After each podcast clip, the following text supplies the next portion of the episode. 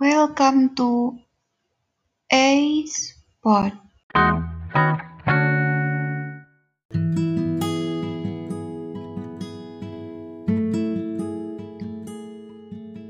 Hai sobat rebahan, kalian sehat kan?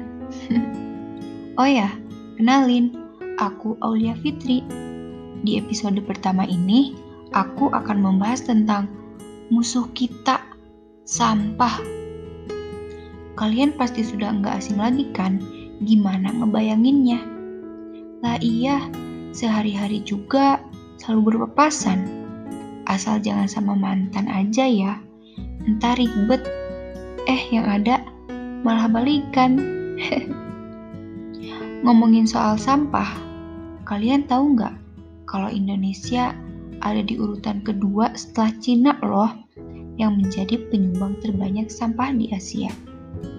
Sampah adalah masalah klasik di Indonesia, dari sampah sembarangan hingga penggunaan sampah yang pemakaiannya sudah diambang darurat loh. Menurut data Kementerian Lingkungan Hidup dan Kehutanan, bahwa di tahun 2019 masalah sampah di Indonesia mencapai 68 juta tons. Sedangkan sampah plastik diperkirakan mencapai 9,52 tons. Sampah plastik selalu menjadi masalah utama dalam pencemaran lingkungan, baik pencemaran tanah maupun laut.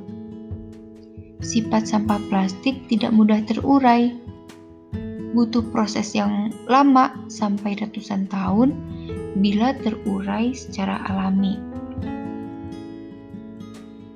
Menurut data NASA juga menunjukkan bila per tahunnya ada 8 juta ton sampah yang sebagian besar plastik berasal dari Asia.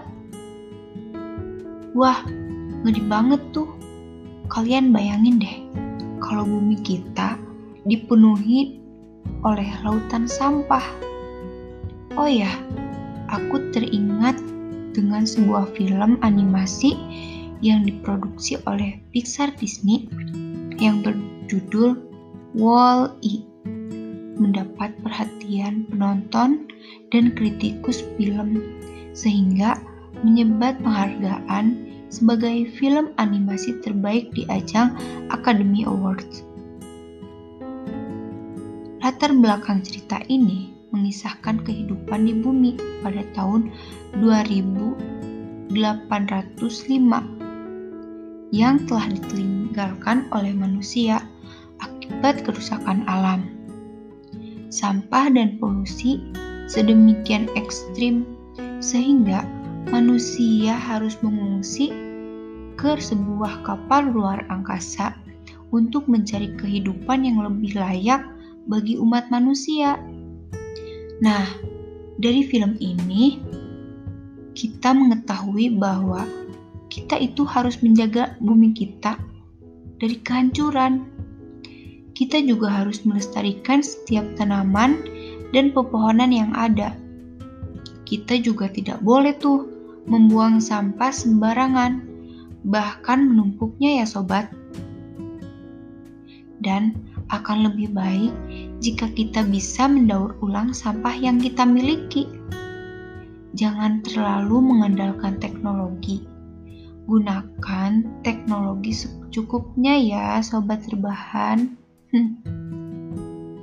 Oh ya, nih, bahkan sebagian besar alat elektronik yang kita pakai, seperti HP, mesin cuci, laptop, dan masih banyak lagi alat-alat rumah tangga yang bahannya berasal dari plastik loh sobat. Apalagi manusia zaman sekarang selalu gak mau ketinggalan zaman. Kalau ada yang baru, gak perlu mikir lama, langsung aja beli. Seharusnya kita tuh bersikap baik terhadap planet kita. Jangan memperlihatkan kejahatan dan kecurangan yang dilakukan oleh perusahaan-perusahaan besar. Bahkan, kita juga sudah diberikan gambaran bagaimana jika beneran nantinya robot kelayakan menjadi pelayan manusia di mana tidak ada lagi pekerjaan yang tersisa manusia kecuali makan, minum, dan tidur. Sampai-sampai membuat kita malah benar-benar lupa akan fungsi panca indera kita. Maka dari itu, ayo kita jaga bumi kita.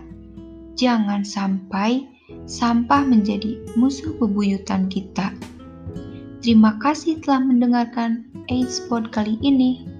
Semoga bermanfaat dan see you next time. Bye bye.